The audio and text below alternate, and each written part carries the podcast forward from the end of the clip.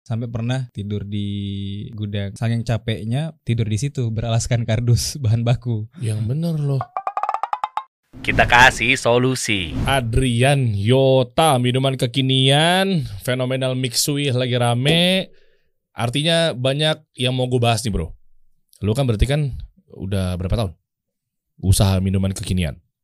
Tahun ini masuk 8 tahun bang. 8 tahun? Iya. Berarti yang kemarin-kemarin tuh yang lagi rame apa segala macam ya nggak perlu gue sebutin namanya. Berarti ngikutin lo atau gimana? Enggak juga sih pak. Mereka baru lah ya, baru. Tapi eh, gua nggak tahu nanti kita ukur ya kira-kira secara awareness, secara kampanye dan lain sebagainya seperti apa. Dan lu di Makassar dong berarti? ya? Sekarang udah keluar Makassar, cuman masih di Sulawesi Selatan. Sulawesi Selatan berarti yang megang Yota nih. Nggak mungkin nggak ada yang tahu orang Makassar ya? Iya insya Allah. Masya Allah. Lihat deh, fenomenal berita nih. Indonesia dijajah Mixui. Ini pokoknya topiknya kita kali ini membahas mengenai mau minuman atau mungkin teh ya. Iya. Kekinian Mm-mm. yang lagi marak banget digemarin sama pengusaha-pengusaha ini. Banyak franchiser, banyak mitra juga, ada mudoroba, investor, macam-macam semuanya. Termasuk lo gue datengin di sini karena bisa dibilang eh iya lo juga permainnya di sini dan dan ya sangat diferensiasi sih sebenarnya menurut gue. Nanti kita bahas ya. Indonesia dijajah Mixui. Ini startup minuman pejuang lokal. Dijajah Mixui. Lo gimana dengan hadirnya dia? Satu-satu kita bahas deh. Ketar-ketir nggak? Eh, Alhamdulillah di Makassar baru masuk sih Mixi. Kemarin sudah ada sekitar kurang lebih 6 cabang Hmm. yang baru buka dan hype eh, Masya Allah. Hmm. Tapi Alhamdulillah kalau dilihat dari revenue kita sih Alhamdulillah nggak ada penurunan. Karena beda kali ya, dia es krim sama tehnya. Lu kan ada teh juga. Ada teh juga. Kalau kami kan kategorinya minuman kekinian. Hmm. Nah, cuman lagi-lagi kita tetap harus eh, buat suatu produk baru. Jadi kita bikin es krim juga di Yota. Karena Mixway datang. Karena Mixu datang. gitu. Dia mengaku mau nggak mau pebisnis. Iya betul. Ya kita ngapain malu. Iya. Iya kan? Seperti Sensodyne tiba-tiba mengganggu adanya Pepsodent gitu kan. Ha-ha. Ternyata Pepsodent menurut versi saya ya keluar dengan sensitive expert. Tuh. Mirip lagi desainnya. Hampir belak-belakan. Iya kan mau nggak mau bikin-bikin sensitif juga. Yoi. Iya, dihajar lagi di sensitif yang lainnya gitu kan. Eh itu kan juga ternyata pebisnis berpikir seperti itu ya. Survei dari mana es krim kencang di Makassar? Belum tentu loh. Kan semua orang suka es krim. Oke. Nah, Terus sebenarnya es krim kan sudah lama ya, sudah ada di McD juga, Hmm. sudah ada di AW juga dan yang lain. Nah, cuman kalau yang betul-betul fokus ke es krim kan baru sekarang ini muncul Hmm. si Mixu. Hmm. Nah, makanya untuk supaya es krim lagi viral nih, Hmm. jadi kita supaya ikutan tetap eh, ikut di viral juga, jadi kita jualan es krim juga kayak gitu. Mau- Terus nggak apa-apa dibilang followersnya Mixu. Nggak apa-apa sih, yang penting kan ada revenue-nya. Gue suka nih mindsetnya nih. Mindset cuan nih gue demen banget nih. Lihat dong berita yang lainnya dong. Coba dong, lihat lagi. Ya, ini ini ini kita kita kupas satu persatu ya. Eh, Era tentang minuman kekinian, bagaimana cara memulai Ah, bisnisnya, bagaimana cara bertahannya. Apalagi, waduh ini mixer kan dari asing ya, Cina ya. Iya benar. Gimana nih nasib UMKM di Indonesia kita nih? Hah? Lihat, tiga kontroversi Mixui. Gua nggak tahu nih menurut lu ada kabar gembira apa enggak. Ekspansi masif hingga belum sertifikasi halal. Yota udah belum? Alhamdulillah udah. Masa? Emang udah? Eh, kemarin baru keluar sih bang. Alhamdulillah. Baru keluar apanya? Sertifikasi sementara halal. Ah, apaan maksudnya? Kok begitu? Jadi eh, tahun lalu kami sudah mengurus sertifikasi halal di LP POM MUI Sulawesi Selatan. Eh, sudah diaudit segala macam eh, sampai kemarin di akhir 2022 auditnya sudah selesai dan alhamdulillah Januari eh sorry November sudah keluar Hmm. eh, pernyataan dari MUI bahwa Yota ini halal. Cuman sertifikatnya belum keluar karena tunggu dari sidangnya selesai dulu seperti itu. Jadi pakai sertifikasi halal sementara. Sementara Emang bisa begitu? ada ada Masa coba lihat? ada ada ada bang. Masa?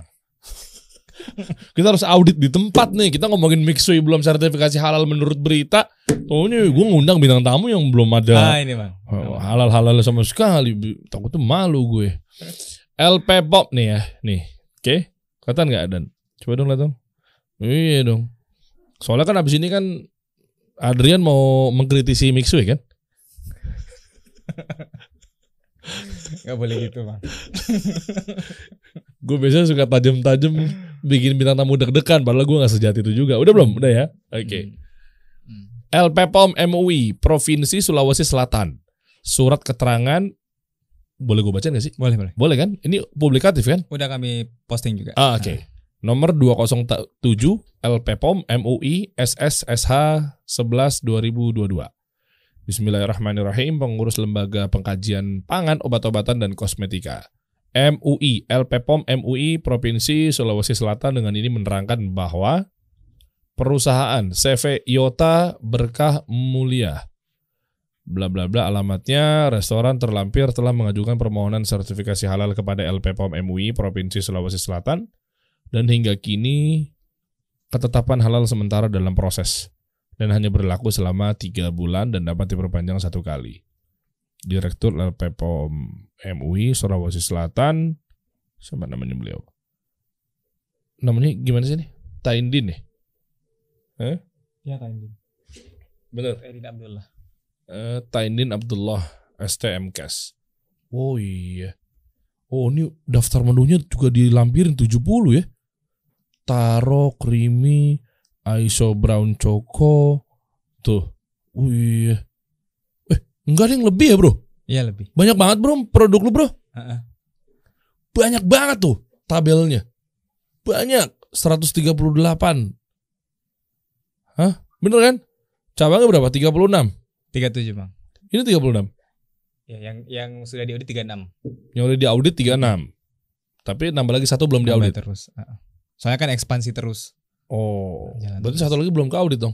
Jadi habis diekspansi, dilapor lagi ke LP POM-nya, diaudit lagi. Oh, tapi belum kecatat di sini. Ada lagi ntar. Belum, belum lagi. Oh. Ini kan diperbarui per 3 bulan. Oh, per tiga bulan. Ah. Ta- Tapi yang nambah cabangnya itu udah diaudit. Yang nambah cabang saat ini belum. Kan baru buka bulan ini juga. Pak. Yang satunya. Tolong di proses. Taat loh ini bagus nih pengusaha kita nih. Tapi halalnya kok baru sekarang-sekarang, Bro? Emang gitu ya? Emang lama sih kat- katanya orang LP POM-nya kalau restoran itu lama. Bukan, kan kemarin 8 tahun ke mana aja? Yang kemarin kan masih belajar. Bang. Oh masih belajar, Masya Allah, mantap. Akhirnya pengen coba lebih baik. Tapi lihat dari fenomenal ini, emang bener ya, gue gak tahu apa-apa deh. Bukan maksudnya kita ngomongin orang, kita lihat dari berita yang beredar aja. Mix itu memang belum ada sertifikasi halal ya? Kalau beritanya sih bilang belum. Tapi katanya sudah masuk pengajuannya, cuman belum belum belum selesai diaudit. Gue udah beli lagi es krimnya. Udah coba berarti. Udah coba lagi. Gue konsumennya nggak begitu merhatiin banget. Maksudnya perhatiin tapi kadang ah, dia udah kali masuk di Indonesia karena kan itu brand asing. Gue pikir birokrasi dan persyaratan dan lain-lainnya itu administratif gitu kan. hatam. Iya maksudnya masuk sini kan harusnya gue pikir sudah berlabelkan misal gitu ya. Nah, Meskipun juga mungkin banyak brand-brand yang yang yang nggak halal juga masuk sini kan istilahnya kan. Tapi kan itu kan sifatnya konsumtif. Ku makan tuh yang di Cibubur gimana ya? Belum ada sertifikasi halal ya bro. Muntahin gak sih? Nggak ya nggak perlu ya. Kita bahas bro dari Iya. awal. Hmm. Tahun berapa berarti lo bangun? Yota mulai tahun 2015. Oke, Eh, 8 tahun lalu. 8 tahun lalu. Itu masih kuliah Di? di Universitas Negeri Makassar, jurusan psikologi. Oh sangat Ah. nyambung tuh sama bisnis ya. Ya, kebetulan saya fokusnya di psikologi industri organisasi. Oh masuk tuh masuk boleh boleh. Kenapa kepikiran bikin minuman kekinian? Dulu yang udah keluar siapa ya? Eh, dulu ya awal-awal chat time bang, baru masuk Oh, di iya. Makassar pada waktu itu. Kawan lama, Kayak kawan lama. S Hardware, Hmm. Informa ya. Ya benar. Iya iya Ah. iya, iya. dia tuh chat time tuh. Tuh ada apa? eh, teh eh milkshake ya? Eh apa sih dia tuh?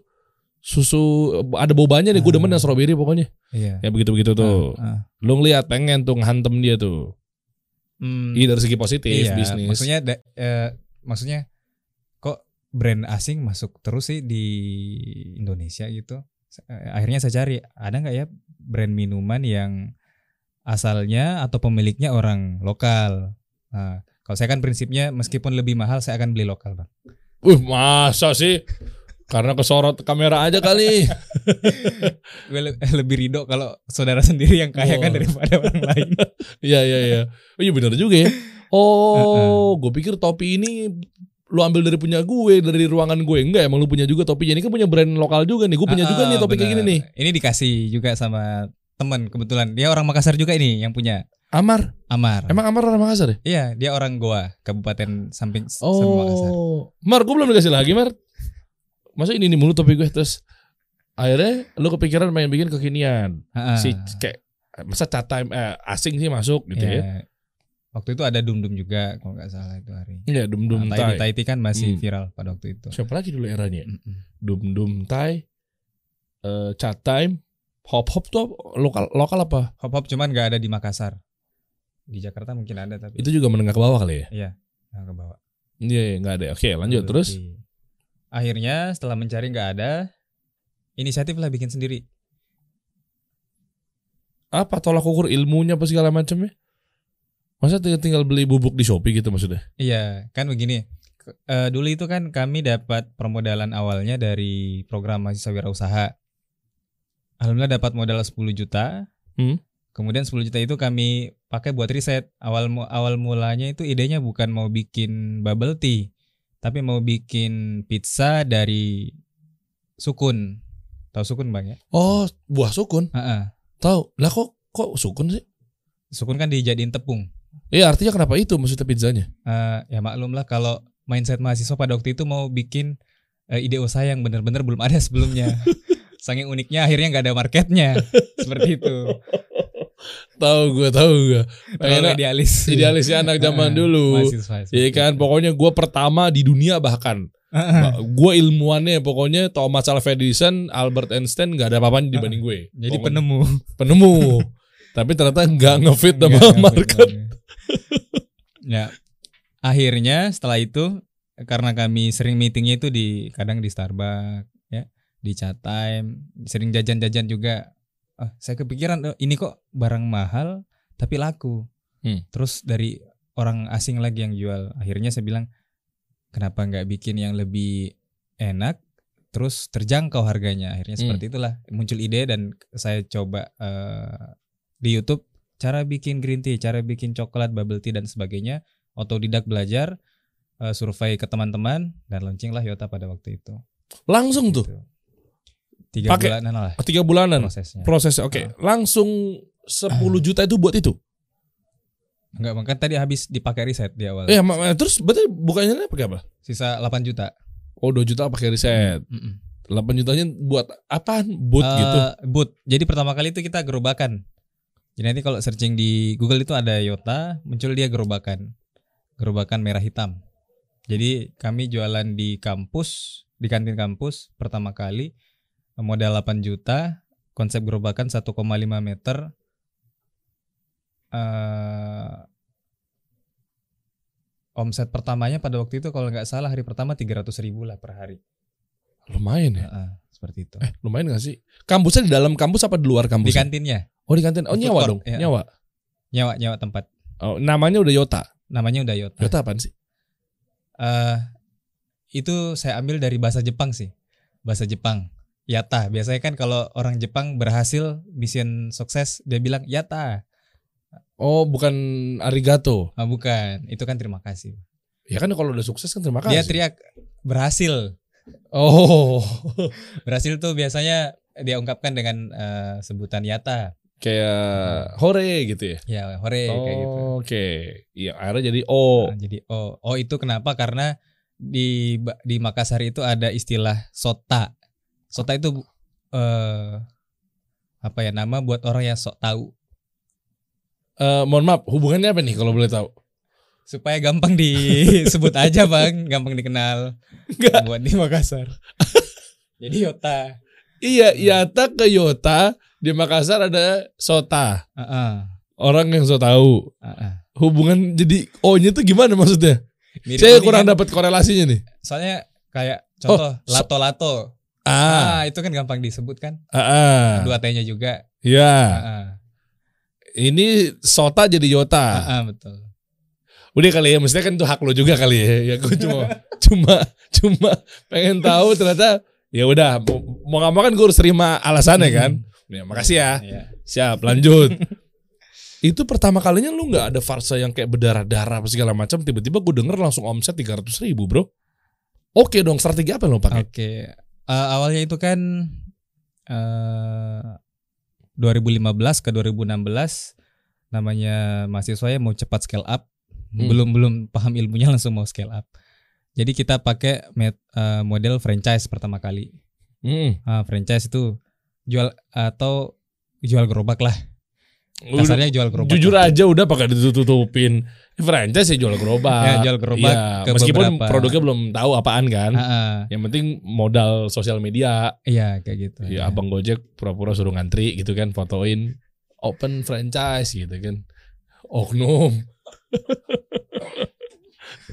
Oke terus? Ah, ah, ah, akhirnya terjual lah empat empat gerobak pada waktu itu dan keteteran ngurusnya. Wah Sampai- mantep. sampai pernah eh, tidur di gudang di di kampus kan ada disewakan gudang kecil dua, dua kali tiga meter. Itu gudang saya pertama kali sampai saking capeknya malas pulang ke rumah tidur di situ beralaskan kardus bahan baku. Yang bener loh. Ah, ah. oh, lu ngalamin itu ya karena ngapain balik ke rumah ujung-ujungnya besok ke sini lagi kan? Iya benar bang. Irit kos juga. Bentar deh, sebelum bahas mengenai gudang ini menarik. Eh, kalau boleh cerita aja, omset lo berapa sekarang? Dengan jual minuman kekinian dan lo bisa dibilang terbesar di Makassar gitu. Mm-mm. Berapa revenue? Hmm. Enggak, ini kita doang kok, enggak ada yang tahu kok. Ini kan di sini ruangan ini kita berdua. iya nanti off the record ya Kira-kira berapa? alhamdulillah miliaran lah per bulan bang Per bulan? Ah. Hah? Revenue ya revenue Iya revenue, revenue. Enggak masalah, enggak masalah. Biasanya orang revenue kan per miliaran itu per tahun. Lo per bulan. iya alhamdulillah Di seluruh outlet. seluruh outlet di Sulawesi Selatan Oh, dua digit miliaran nih. ah, belum belum Hampir lah ya. Ambil. Tujuh kali ya. ya gitulah Oke. Itu minuman itu kan untungnya banyak ya. Karena dibilang katanya jual minuman kekinian untungnya wow gitu. Hmm, iya kan sih. timbang air doang sama sama bubuk. sama es Heeh. Enak banget deh. Bener, itu bener. Itu stigma tuh. Eh, marginnya sih ada bisa dapat 50 sampai 60 persen Wow. Mm. 7 M sebulan berarti 3 miliar sebulan nih. iya margin ya margin Iya, marginnya. Belum OPEX total Belum OPEX. expenses. Bersih 1 M lah ya.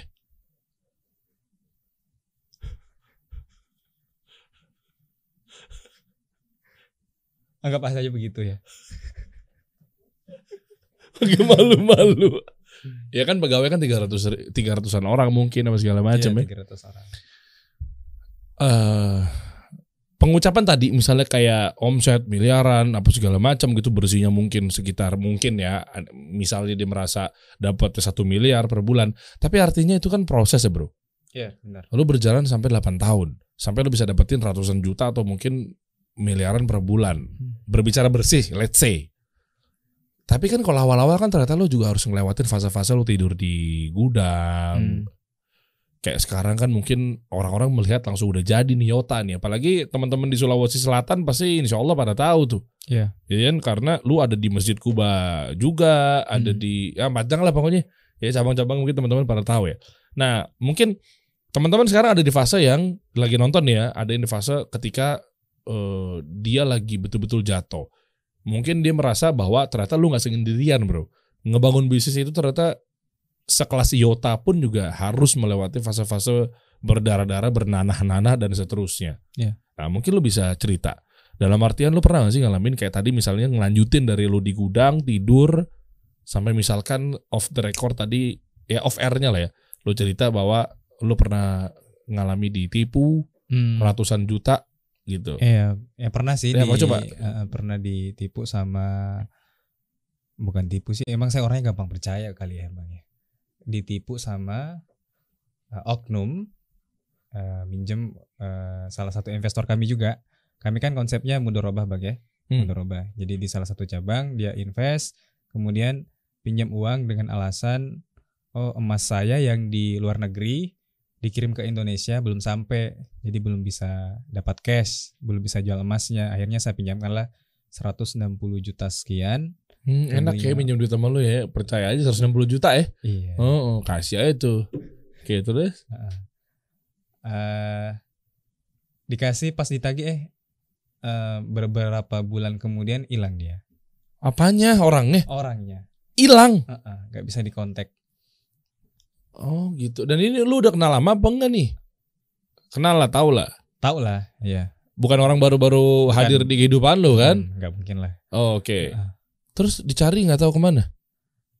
iya Padahal tuh buat buka cabang atau ekspansi minimal.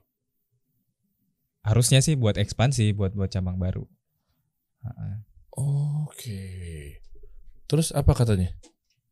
ya nggak ada kan hilang bang Bukan maksudnya etikat baik apa segala macam hilang udah total. nggak ada Lah, Nah, ternyata yang emas tadi yang dia bilang itu nggak ada. ya Allah. Bohong. Iya, Apa ada PO-nya apa segala macam ya? nggak ada juga. Eh, Diputar lagi nggak apanya? uangnya? Biasanya kayak oknum-oknum kayak begitu tuh. Kalau memang ternyata terbukti bukan buat kebutuhan, biasanya diputar tuh. Putar ya. Oh, beneran ada bukti bahwa Kabarnya sih seperti itu. kabarnya diputar Hmm. lagi uangnya. Gali lubang tutup lubang. Ponzi. Hmm. Hmm. Ya, ya, ya, ya, ya, ya, ya. Ya, laki-laki perempuan. Ah udahlah nggak penting lah ya. Eh terus sekarang apa yang diambil pelajaran dari situ?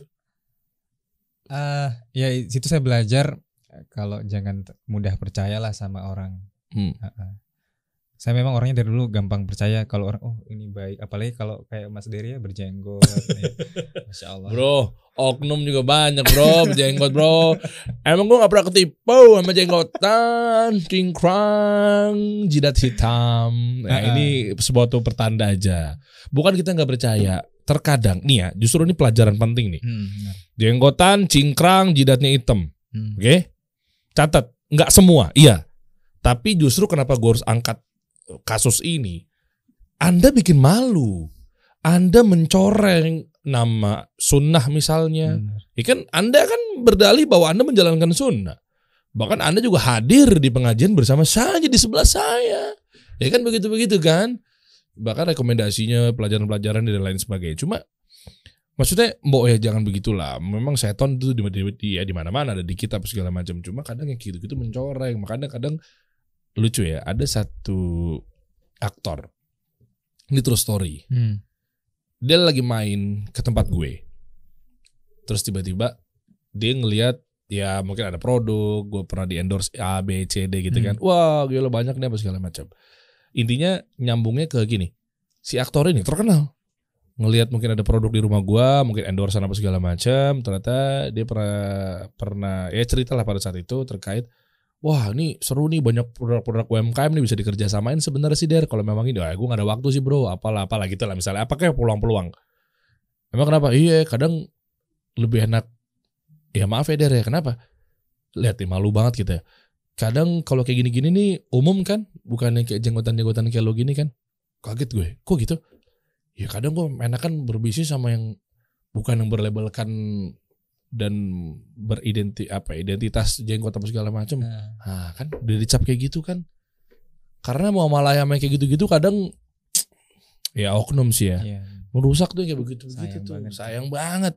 Padahal tuh kan padahal si aktor ini pelan pelan udah ngaji.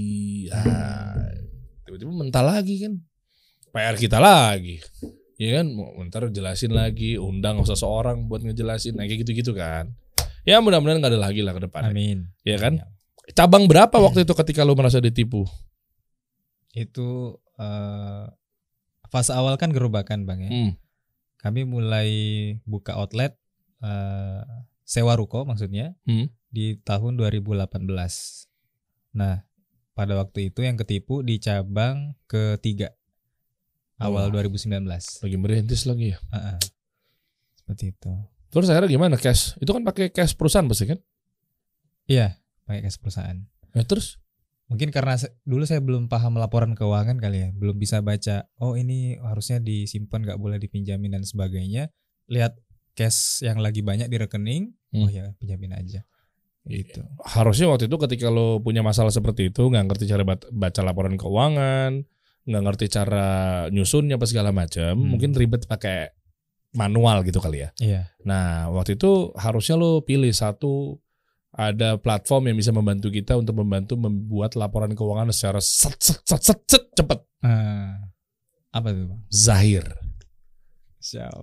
Zahir online itu bisa membantu kita untuk membuat laporan keuangan. Simple, ah, harusnya lo pakai itu. Ya, harusnya dulu itu. saya kenal Zahir lebih awal. Eh, eh, mungkin lu nya kali kurang main karena Zahir udah 25 tahun Oh masya Allah. di Indonesia banyak ribuan perusahaan-perusahaan yang dibantu.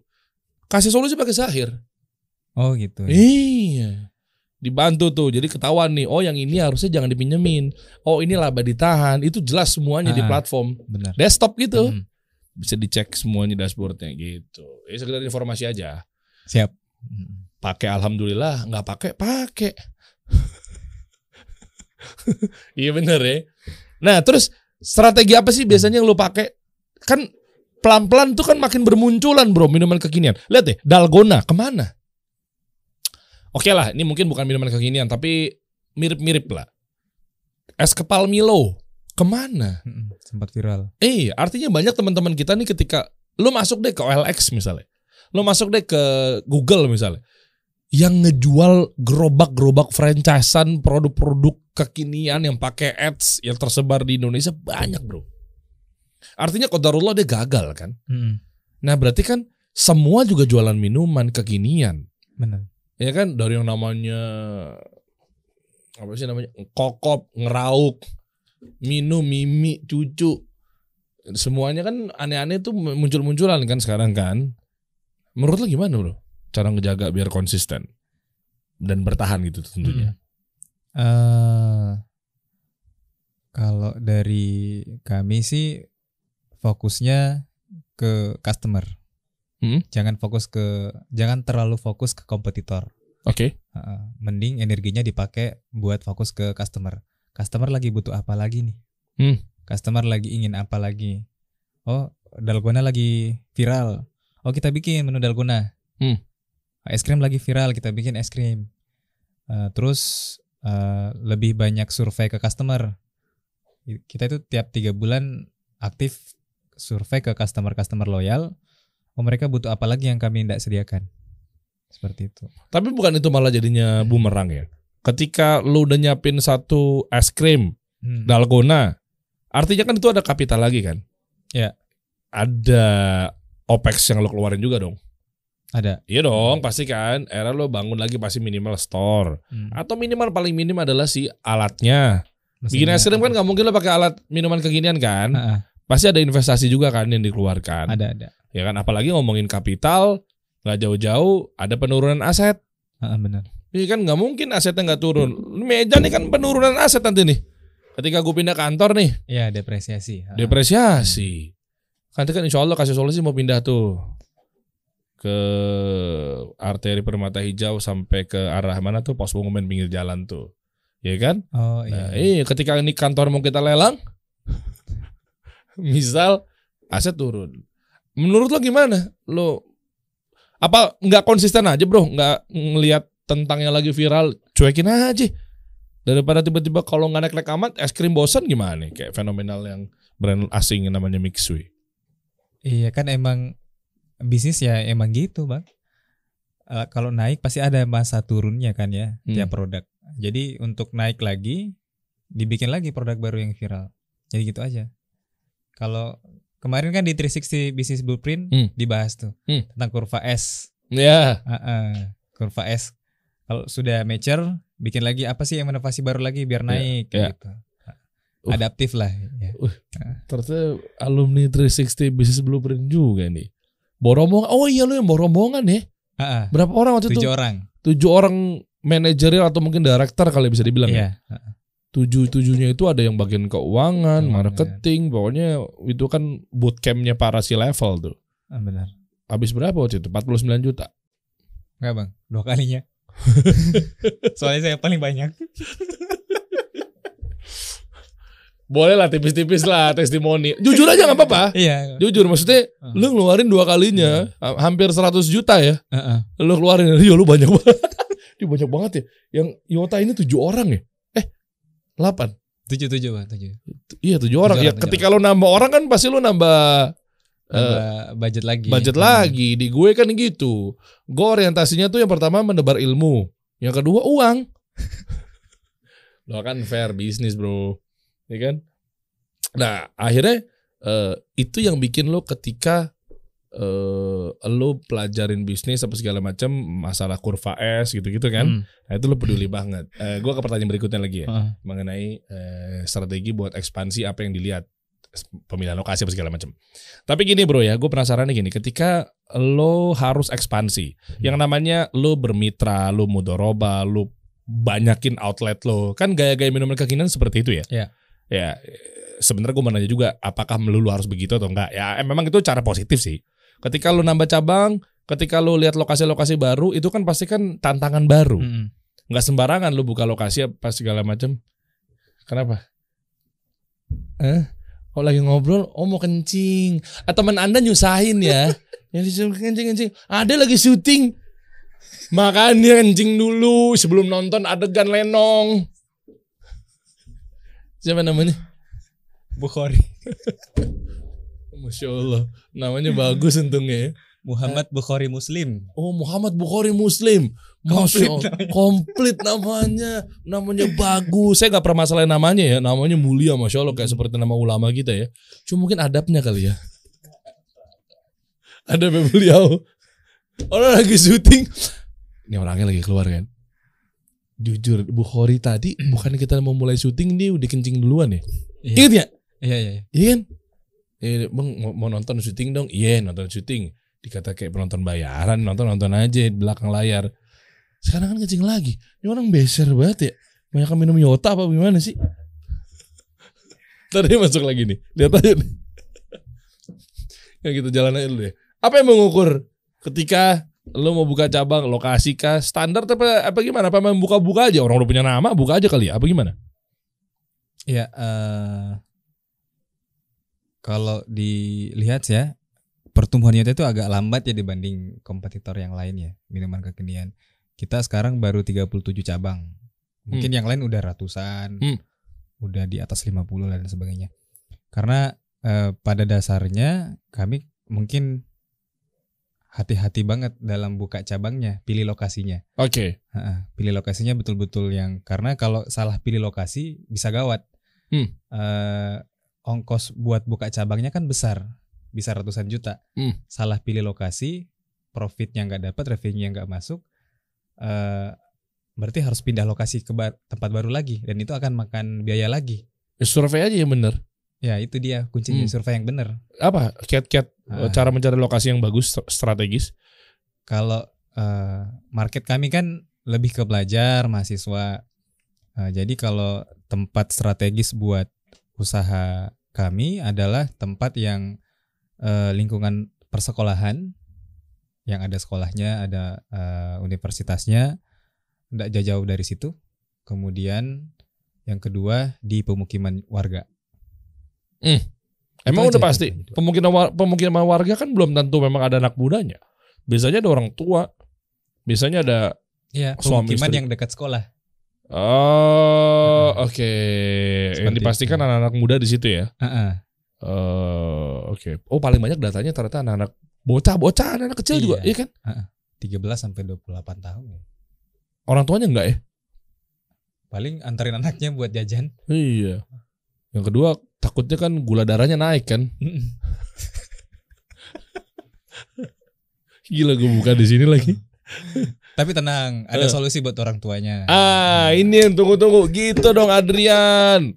Lo cuma mikirin cuan buat Heeh. prospek anak-anaknya doang lo. Gimana yang orang tua gimana? Jadi kita ada menu varian fruity-nya, real fruity. Betul-betul dari buah asli. Ah, ini orang tua nih nyambung. Oh, Heeh. berarti yang lainnya pakai buah palsu ya? Eh, Perisa, perisa sirup ya. sirup Ah. ya. Oke, tapi sirupnya benar-benar sirup yang grade yang A nggak nih? A ya? Kalau kalau di sih nggak pakai sirup, Lah, terus dari buahnya langsung. tadi lu bilang sirup. Yang lain Oh. selain Yota biasanya pakai sirup. Oh gitu. Mm-mm. Bener emang. Iya. Kan kelihatan tuh kalau tuh. Tapi kalau Yota ada buahnya, Oh, masya buah Allah. langsung dari eh, lokal. Gue belum nyobain sih. Lu cuma ada di Makassar kan? Ya, Ih, ke Jakarta nggak mau buka. Gue belum tahu. Jadi man, lu ke sini juga mana? Gue nggak tahu lu punya bisnis ini. Tahu dari mana? Lu adalah ownernya ini. Bisa jadi ini ownernya orang lain. Kasar banget main gue. belum nyobain apa yang apa yang menjadi unggulan. Kenapa gue harus pilih Yota itu kan permasalahannya. Mungkin ini ada menjadi tips juga buat teman-teman. Cara bikin diferensiasi produk Mm-mm. secara positioning yang kuat.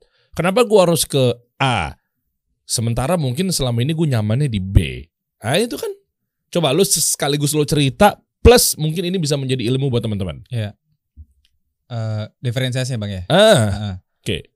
Jadi kemarin kalau kami eh, lihat eh, prinsipnya kan kelemahan kompetitor bisa jadi dijadikan kelebihannya kita. Oke. Ha-ha. Kalau kompetitor lain kan tadi dia pakai rata-rata pakai sir- eh, varian buahnya, pakai perasa buah, sirup dan sebagainya. Nah kalau di kami langsung eh, buah aslinya. Jadi Wah, kan buah dikupas tinggi dong. langsung ini. Costnya tinggi dong. Costnya tinggi tapi dijual tinggi kas- customer masih terima lah. Karena kan mereka buah cari asli. sehatnya ya. Oh, berarti yang lainnya nggak sehat tuh ya. Bisa jadi. Gue demen nih. Untuk orang tua. Owner-owner yang tegas-tegas gini gue bener. Biasanya kan, biasanya Ah. lainnya gak sehat. Iya jangan gitu dong deh. Ya sehat juga. Biasanya diplomatis. Tapi gue demen nih ownernya yang Yota ini maksudnya emang mindsetnya emang pengen diserang sama netizen kan. Jadi gue seneng banget. Oh jadi rata-rata gue baru tahu loh. Ya, enggak sih maksudnya ah lu kayak lu baru pura-pura udah iya gue tahu memang ada ada yang pakai pemanis buatan ya Nah, ada yang pakai kayak essence essence mm-mm. perisa. Ngomongnya perisa apa perasa sih? Itulah pokoknya Ya, ya, itulah. Nah. Eh, beli di online shop apa segala macam gue tahu. Cuma gue pikir itu kelas brand-brand yang nggak begitu besar. Gue pikir. Ternyata brand-brand gede pakai. Maksud sih? Pakai. Em- emang lu udah riset belum? A- a- anda jangan mengujar eh, hal-hal negatif nih ntar nih. Coba gue cek. Nggak usah sebut nama ya ini baru kali ini kita bahas nih di podcast di episode ini yang depannya H pakai nggak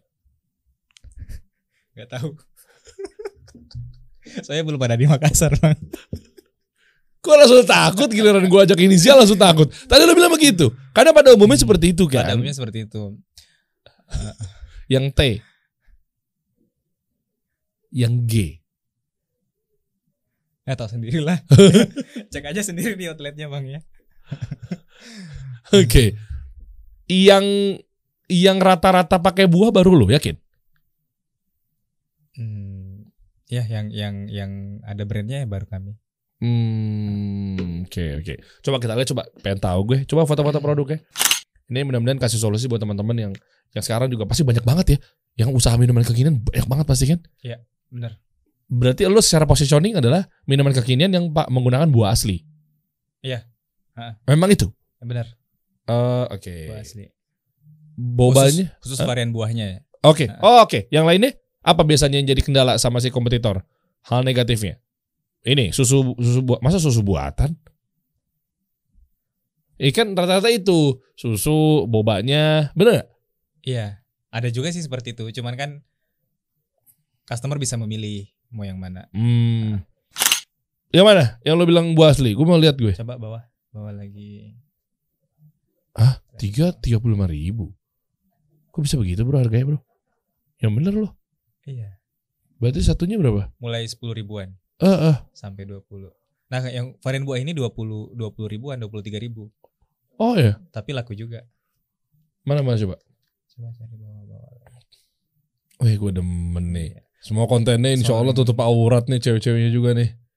Oh, show. Jarang jarang posting produk juga sih, Bang. Keren, Ah. bener. Soalnya kan udah belajar.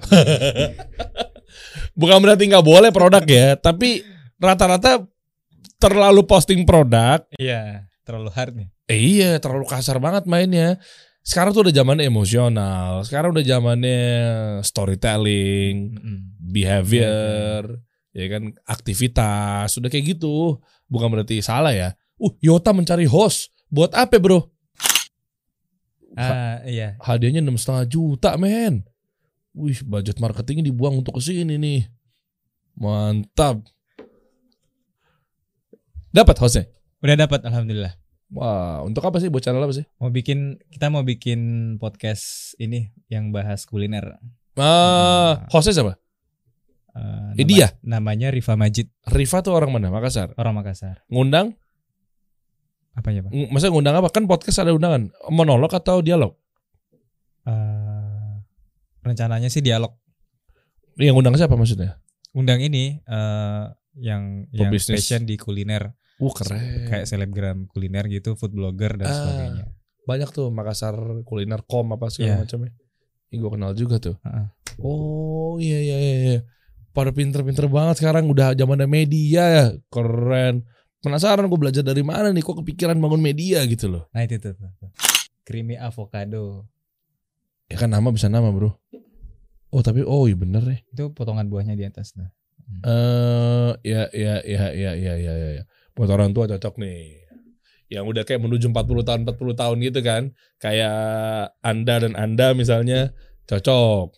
Tapi kalau Gen Z Gen Z kayak gue gini masih bisa konsumsi minuman-minuman gula-gula yang bukan pemanis eh sorry ya maksudnya yang pemanis-pemanis yang campur-campuran buatan apa segala macam mungkin masih bisa seperti itu ya. Oke, campaign apa yang menurut lo digunakan berhasil di minuman kekinian? Gue mau tahu strategi apa? Hmm. Nah, kalau di marketing Hmm? campaign yang kami gunakan dari dua tahun lalu itu hashtag semangat yo. Maksudnya gimana? bawah. Semangat yo. Jadi positioningnya kita mau bukan sekedar kebutuhan menghilangkan dahaga Hmm. ya, Hmm. tapi eh bisa masuk ke emosional juga. Hmm. Jadi mood booster lah buat Hmm. buat teman-teman yang lagi drop moodnya kayak gitu. Oh, oke. Nah, itu, itu sih campaign yang kami jalankan selama ini. Jadi nggak cuma sekedar jam ngitung buat waktu memang. Eh, minuman buat ngilangin aus memang. Iya kan? Atau apa lagi? Makanan buat ngilangin lapar. Nggak iya. cuma tugasnya secara produk begitu. Ya. Tapi dengan adanya lu minum mungkin penyemangat ke kantor, Mm-mm. penyemangat eh, apa apa segala macam gitu kan. Oh, nice nice. Jadi kalau belanja ke outlet, Heeh. di pick up minumannya, ya nanti kru kami bilang semangat yo, gitu. Oh gitu. Oh. Itu kenapa harus yo ya? Makassar oh ya? Biar ada yotanya. Oh, dicocok-cocokin aja ya. oh iya iya iya. Iya iya iya. iya. Rame ya. Jadi di sana betul total ada berapa brand, Bro? Nggak usah sebut lah misalnya selain Yota yang udah masuk. Kalau asing oke lah kita sebut misalnya Mixway. Gua nggak tahu kalau lokal mungkin lo mau nyebut juga ya monggo. Ada sih lokal juga, ada beberapa juga. Ada tiga. Tiga. lokal. Panik gak ngadepin mereka masuk ke lo ngebangunnya di lokal lo? Hmm, pada dasarnya enggak enggak juga sih, enggak. Soalnya kan eh, saya tuh senang kalau ada yang dari lokal, Bang. Kenapa? Kan saudara saudara saya sendiri. Oh, Bukan dari asing. Oh, masya Allah. Yang saya bilang di awal tadi kan. Ya, ya, ya. Gue Seperti itu. demen nih begini nih. Jadi malah saling support. Bahkan industri jadi kebangun ya. Iya benar. Orang-orang yang tadinya mungkin minumnya ya apalah selain minuman Ah. kekinian, tapi gara-gara mereka pelan-pelan hadir teman-teman para industri di minuman kekinian, muncul satu persatu di depan mata sehingga mungkin dia cobain minum. Oh Hmm. ya, pelan-pelan teredukasi sehingga industri minuman kekinian naik. Hmm, ya ya. Coba dong lihat dong konten-konten di di di di Instagram atau mungkin yang lainnya atau TikTok gitu kan. Gue mau lihat bocoran-bocoran buat teman-teman semua eh bagaimana cara membangun bisnis eh, minuman kekinian. Ya memang ternyata di era sekarang masih bisa bertahan. Dan nasibnya panjang gak sih Pak menurut lu? Insya Allah panjang bang. Karena kan marketnya naik terus nih, tumbuh terus tiap tahun. Oke. Ah. Da- kemarin juga info dari Bang Rex ya, Foodies Hmm. katanya di tahun 2024 masih tumbuh bahkan sampai market size-nya sampai 24 triliun bahkan. Wow, Iya, gede juga ya. di Indonesia. Mm. 24 triliun. Iya, Bang. Wow. Serius tuh ya. Ternyata masih segede itu juga ya. Cuma kan mungkin akan ada tibanya turun kali ya. Packagingnya misalnya yang itu-itu aja. Beli botol langsung beli di marketplace. Bisa jadi. Kok Anda mau ngomong kayak gak enak begitu? Bener kan? Ya, benar, benar. Lo cetak sendiri? Kalau ya kami udah printing, cetak sendiri. Iya. Kan yang lainnya kan mungkin baru ngerintis. Mm-mm. Coba kasih tips dong. Artinya kan mereka masih pakai stiker. Iya. Tahu kan stiker yang digunting yang kadang nggak presisi. Iya, nggak Ya. apa-apa sih awal-awal nggak apa-apa. Stiker yang kadang suka kurang pas ngeguntingnya. Kan kelihatan tuh. Heeh. Ya kan? Nah, gimana bentuk supportnya? Kan kesian mereka baru mau mulai. Iya, dulu waktu kami baru mulai juga gitu.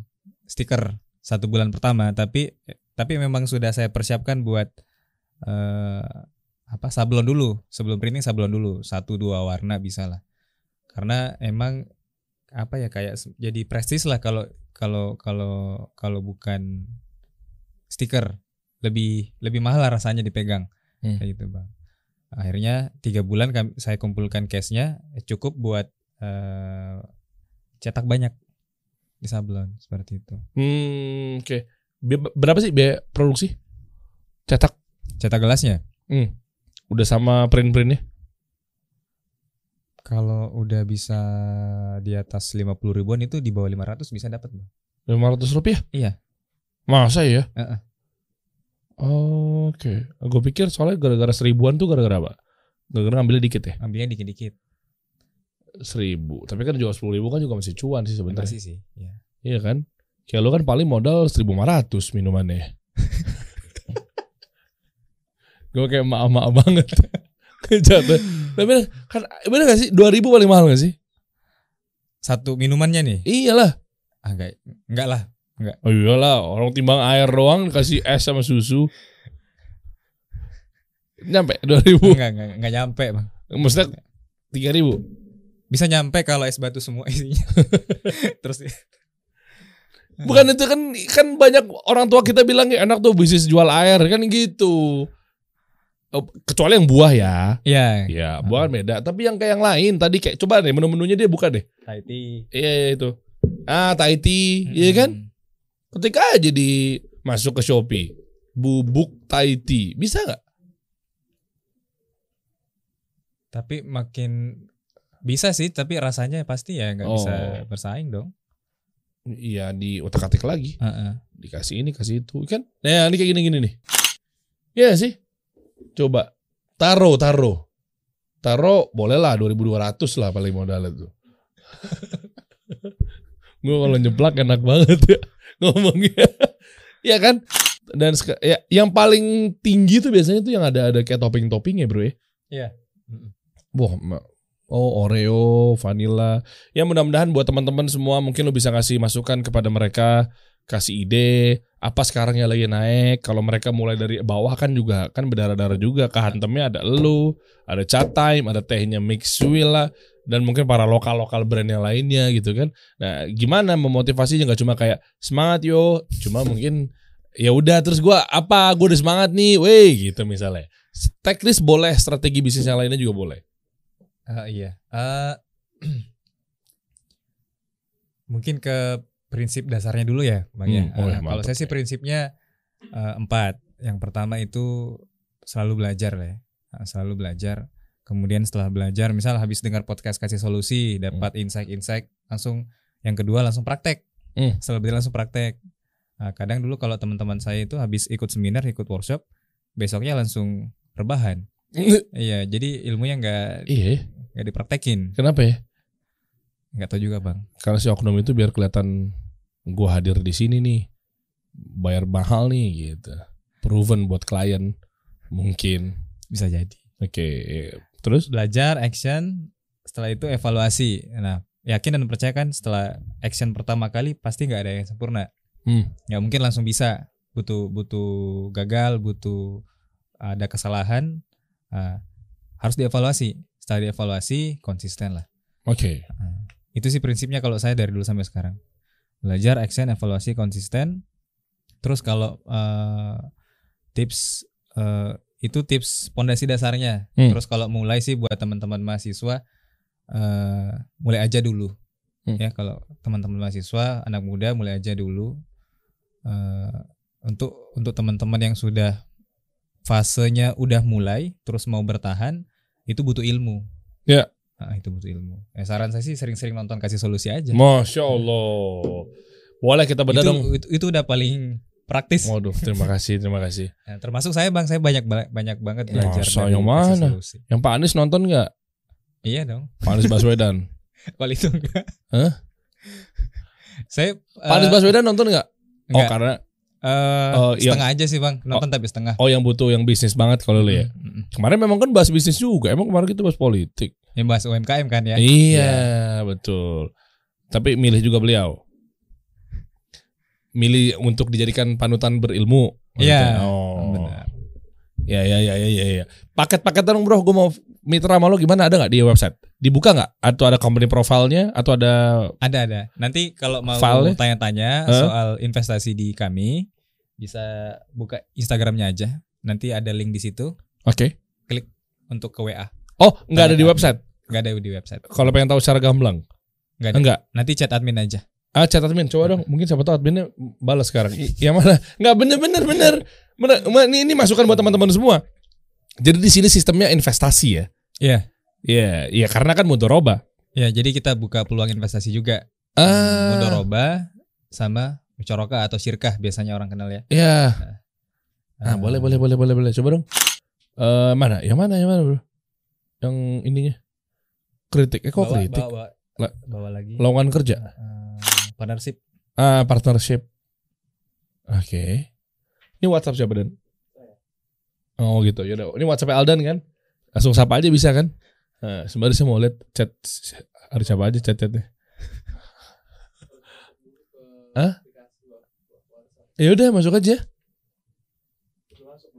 Ah maksudnya? Masukin dulu tuh gimana? Iya maksudnya pengen tahu ntar responnya bisa dibuka gak sih secara gamblang kayak dia ngirim apa si adminnya ini f- slow respon atau fast respon? Fast respon insya Allah. Ah maksudnya pengen liatin paket-paketnya. Iya ada, ada. Nanti dikirimin chatnya. Eh, dijelasin dulu konsep mudoroba itu seperti apa. Oh nggak langsung PDF ya? Eh, terus dikirimin eh, nggak ada PDF-nya sih bang, belum ada. Nah, terus berapa nilainya apa segala macamnya gue tau dari mana? Ah, jadi itu daftar dulu. Oh, dan- jadi diseleksi bang. Oh Ah, ah, diseleksi. nanti Kenapa? Kalau, kalau nanti kalau udah di ketemu orangnya, oh ini bagus nih, kita undang buat di lebih lanjut lagi. Taunya apa? Keukur dari orang ini amanah apa enggak? Iya. Eh, lebih ke bisnisnya sih bang. Bisnisnya, eh, contoh lokasi yang ditawarkan bagus, strategis. Kan dia mau jadi investor padahal. Iya, jadi ada pertanyaannya juga. Jadi eh misal kita butuh satu cabang itu 500 jutaan. Hmm. Uangnya berapa? Eh, terus uangnya dari mana? Apakah mau pakai dari tabungan Atau atau pinjaman bank? kenapa emang pinjaman bank? Itu kan berbahaya. Apanya? Ngeri banget. Ribanya, Bang. Ngeri banget, ngeri banget. Riba. Ribanya. Karena dia loan di situ. Oh, Nah, itu kan ya. biasanya orang kalau pinjam seperti itu kan butuh uang tiap bulan cepat. Mm-mm. Akhirnya mendesak ke kami itu kan eh, agak apa ya, bikin stres juga sih. Iya, iya. Di, di, di sampingnya mungkin itu urusan dia gitu ya, istilahnya ya. Tapi pasti akan panjang tuh urusan Panjang, nantinya. Sampai-sampai kalau emang tertebet pada banyak eh, apa namanya eh, adu mulut apa segala macam kan jadi takutnya kan eh, ya masalah lah Hmm. inilah itulah apa segala macam. Ya cuma Allah alam ya nanti bisa ditanyakan sama Ustadz juga sih. Iya. Tapi bagusnya Adrian ini mencari amannya Iya. bahwa ketik ketahuan ketika eh, dia itu pengen invest tapi menggunakan seperti itu. Sebenarnya kan Ustadz juga pernah ngejelasin juga sih bro. Ya, ini Allah alam ya. Kayak misalnya terkait eh, dia pengen beli lu punya barang. Sebenarnya kita juga nggak ada punya hak juga buat Hanyain. ber, nah nanyain ini lu pakai buat apa nih? Misalnya gue punya lahan, lu datang, Iya. eh ini bisa gua beli nggak tanahnya? Terus tiba-tiba bapak mau bangun apa ya? Bapak mau bangunin, nanya lebih detail gitu ya. Kalau cuma nanya formal kulit-kulit sih oke lah ya. Ah. Detail sampai dalam-dalam ketahuan, taunya dijadikan tempat prostitusi apa segala macam misal, naudzubillah gitu kan. Nah ya kayak gitu-gitu kan sebenarnya kita dari awal banget udah bisa berlepas. Iya. Ya lu beli tanah, tanya ya sisanya mau lu apain kan gua nggak tahu. Nah, cuma mungkin keamanannya lo begitu ya. Hmm. Ditanyain dulu nih uangnya dari mana apa segala macem. Hmm, oke. Paketnya berapa sih bro kalau investasi biasanya? Langsung aja deh daripada nanya admin nama Iya, lagi. iya. Eh, nggak ada paketnya sih bang. Eh, misal satu jabang 500 juta. Hmm. Eh, orang ini misalnya mengajukan uangnya kurang nih, Hmm. hanya punya 100 juta misal. Jadi yang nyariin 400 juta itu dari kami. Biar Bisa, oke, bisa juga nggak gue datang tapi Nah ini ini coba contoh doang ya. Hmm. Mungkin ini teman-teman bisa menjadi solusi juga nih. Misalnya cuma punya keahlian, expertise dia. Eh gue coba analogi di gue deh. Hmm. Gue datang gue nggak mau punya keluar modal. Ini misal. Ya nggak tahu gimana pokoknya ya udah gue nggak pengen keluar duit. Gue pengennya gue punya expert dari aset yang gue punya secara intangible misalnya sosial sosial media, Hmm. gue punya media, insya Allah juga punya knowledge misal apa yang bisa di share, meskipun mungkin nggak ba- banyak atau segala macam minimal punya skill.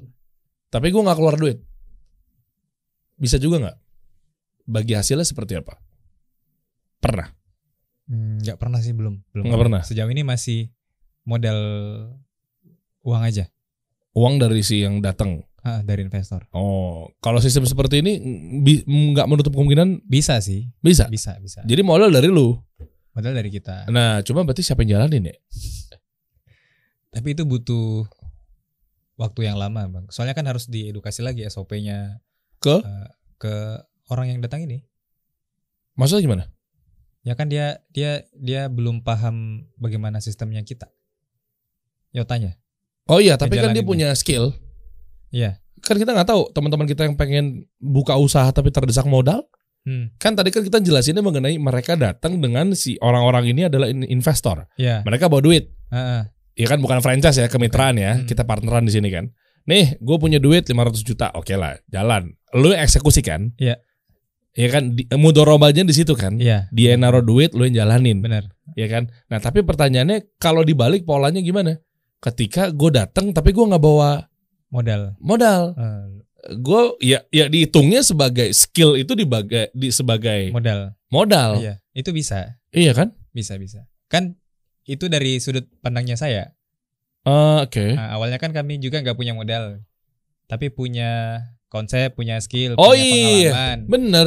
Terus menawarkan ke investor. Iya sama aja. Sama aja. Berarti ntar lu yang jadi modoripnya, Iya, bener kan? benar ya. Nah, bisa dihitung tuh ntar tuh kontribusi lo apa? Ini, ini, ini, ini, ini. Gue Ah. bisa ngatur set ini, gue bisa atur ini. Misalnya gue punya tempat di sini, Ya. misalnya ya kan. Gue punya rekanan di sini, gue punya relasi di sini dan seterusnya. Bisa dong buka dikasih solusi tuh. Yang mana nih? Yang kantor lama atau baru? Wes, udah ngincer kantor baru deh. Mentang-mentang insya Allah seksi ya. Iya, pinggir jalan tuh. Bisa tuh. Revenue lagi tuh. Kan gue persis pinggir jalan raya tuh. Hmm. Oh, oh, nanti dibangun di situ tuh. Bikin gede aja. Jadi misalnya ukurannya segini nih tanahnya. Ya kan? Nah, 90 persennya Yota. Kantor kitanya yang kecil. Nggak mungkin ya. Nggak mungkin. Ya, kayak gitu bisa tuh nanti kita coba omongin ya. Buat teman-teman Iya. juga bisa kan seperti itu barangkali dia punya expert di bidang nggak cuma sekedar modal tapi bisa juga mungkin dari skill, tempat Benar, bisa bisa. dan seterusnya. Tempatnya pun juga harus disurvei ya. Iya.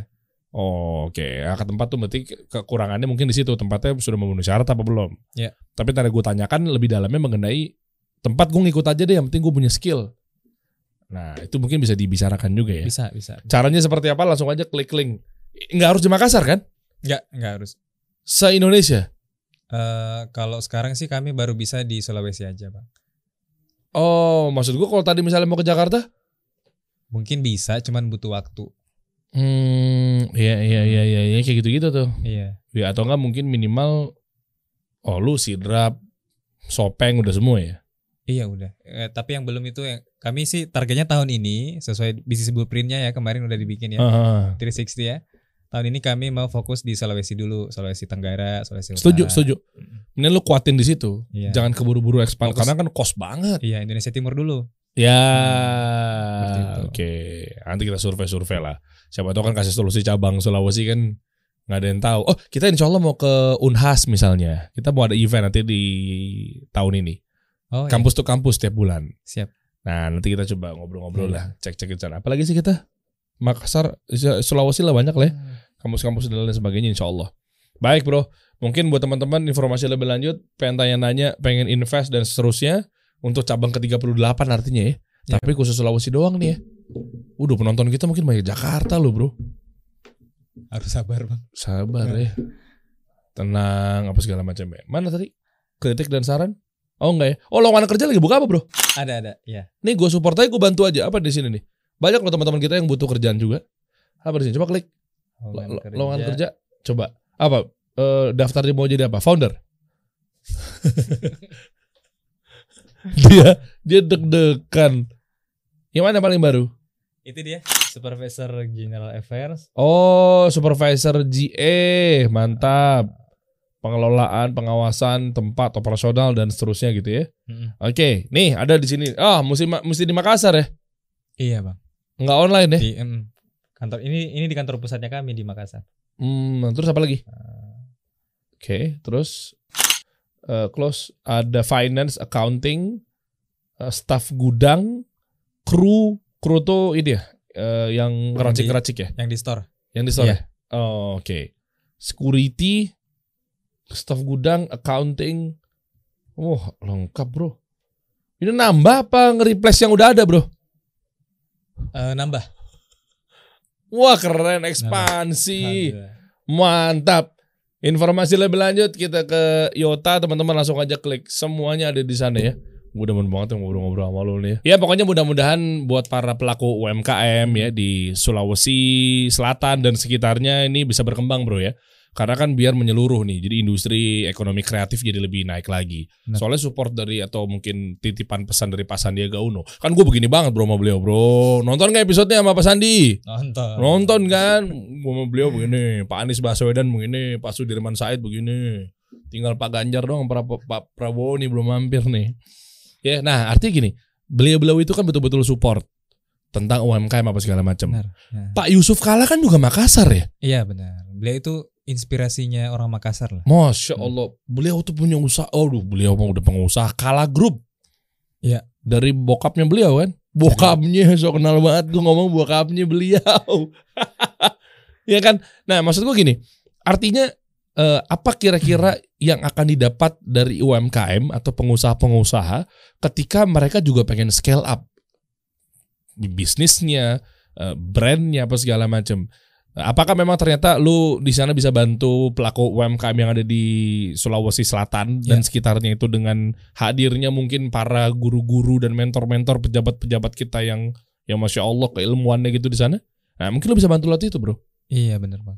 Jadi kebetulan nih Ah, kita ada event hmm. nanti tanggal tanggal 11 apa 10 ya? 9 sampai 11 Maret Oh, Oke, 2023 oke, eh, namanya Pesta Wirausaha di Makassar. oke, Ha-ha, itu kami undang ada Pak Sandiaga Uno. mantap. Berbicara beliau, Iya, mantap. Allah ada Pak Yusuf Kala juga. Hmm. Dan kebetulan tempatnya di di Nipah Mall miliknya Pak Yusuf Kala. Nipah. Nipah Mall namanya.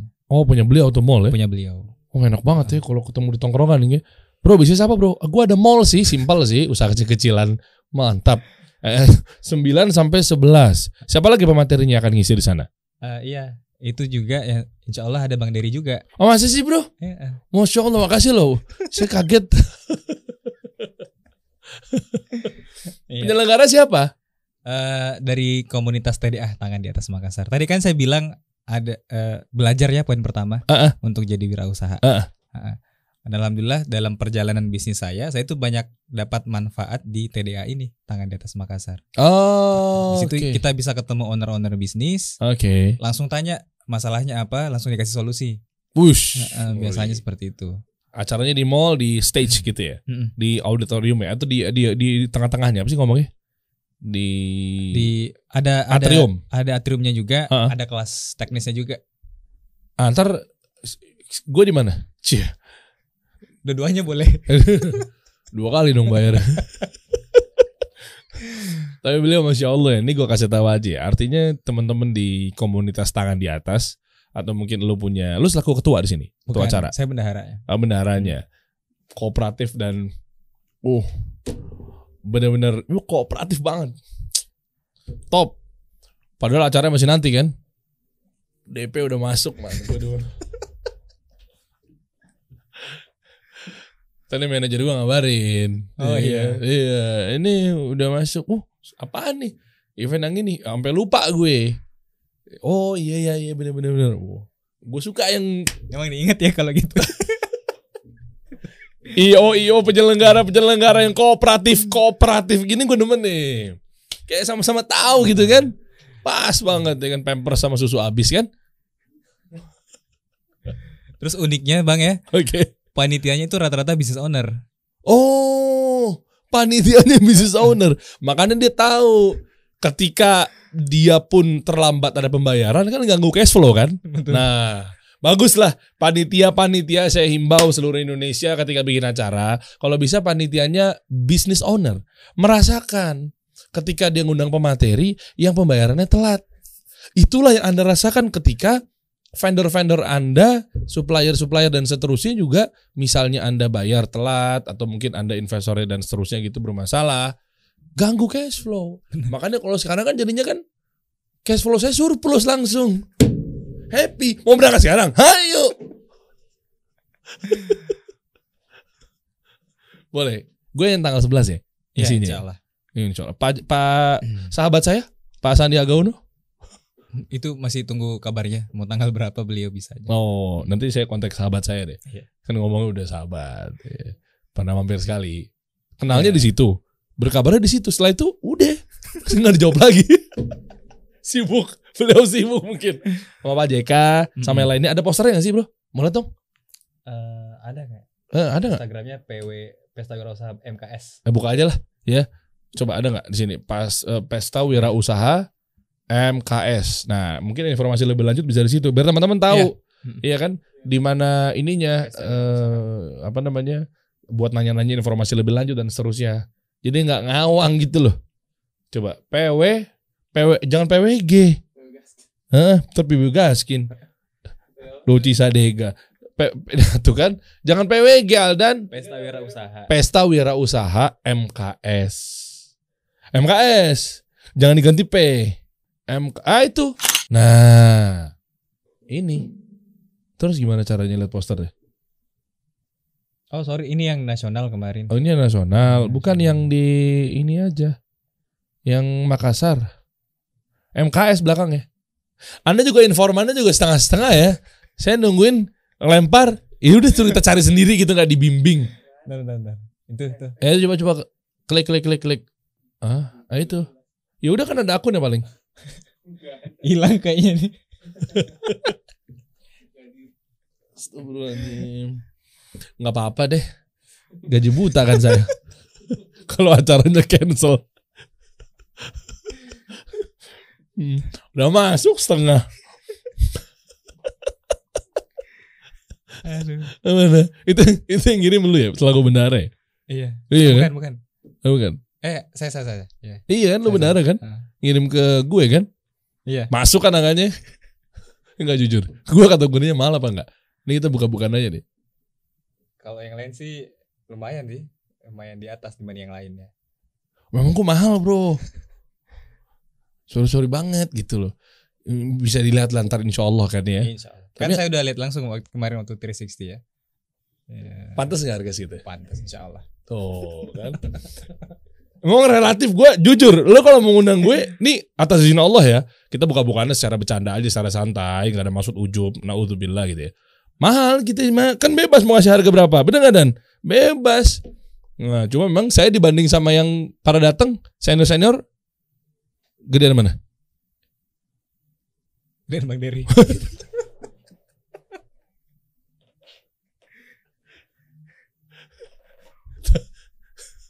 Tapi insya Allah sebanding sama insight ya. insya Allah.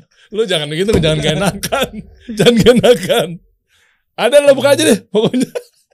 Atau nanti terus link aja bang. Iya, iya, iya, di bawah, di bawah. Awkward gitu gue, gedean gue lagi. Harapannya gedean yang sana.